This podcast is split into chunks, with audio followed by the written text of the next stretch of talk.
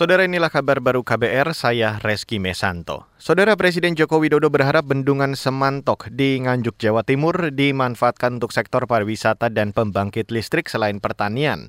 Hal itu disampaikan Jokowi saat meresmikan bendungan Semantok, Jawa Timur hari ini. Karena kita tahu apa pun air adalah kunci, baik untuk pertanian maupun untuk hal-hal yang lain, listrik, pariwisata, semuanya.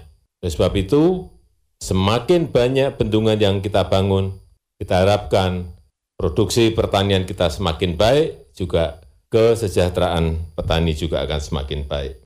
Presiden Jokowi menyebut bendungan Semantok dibangun sejak 2017 dengan anggaran 2,5 triliun rupiah. Bendungan ini dapat menampung air dengan kapasitas 32 juta meter kubik dan mampu mengairi sawah seluas 1.900 hektar.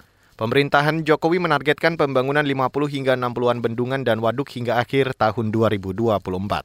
Beralih ke berita hukum, Saudara, Komisi Pemberantasan Korupsi KPK memanggil Dodi W. Leonard, Jaksa Fungsional Direktorat Pelanggaran HAM Berat pada Jaksa Agung Muda Tindak Pidana Khusus atau Jampitsus Kejaksaan Agung hari ini.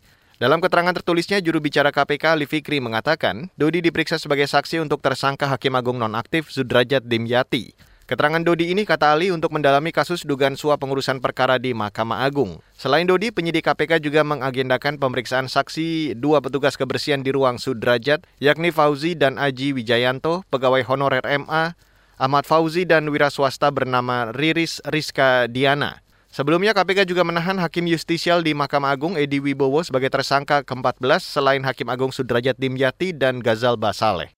Saudara Indonesia akan segera mengakhiri keanggotaannya di Dewan Hak Asasi Manusia atau HAM Perserikatan Bangsa-Bangsa PBB. Menteri Luar Negeri Retno Marsudi mengklaim Indonesia telah banyak belajar dan berkontribusi terhadap kemajuan HAM selama tiga tahun terakhir. Menlu Retno lantas meminta dukungan agar Indonesia bisa kembali menjadi anggota untuk periode 2024-2026.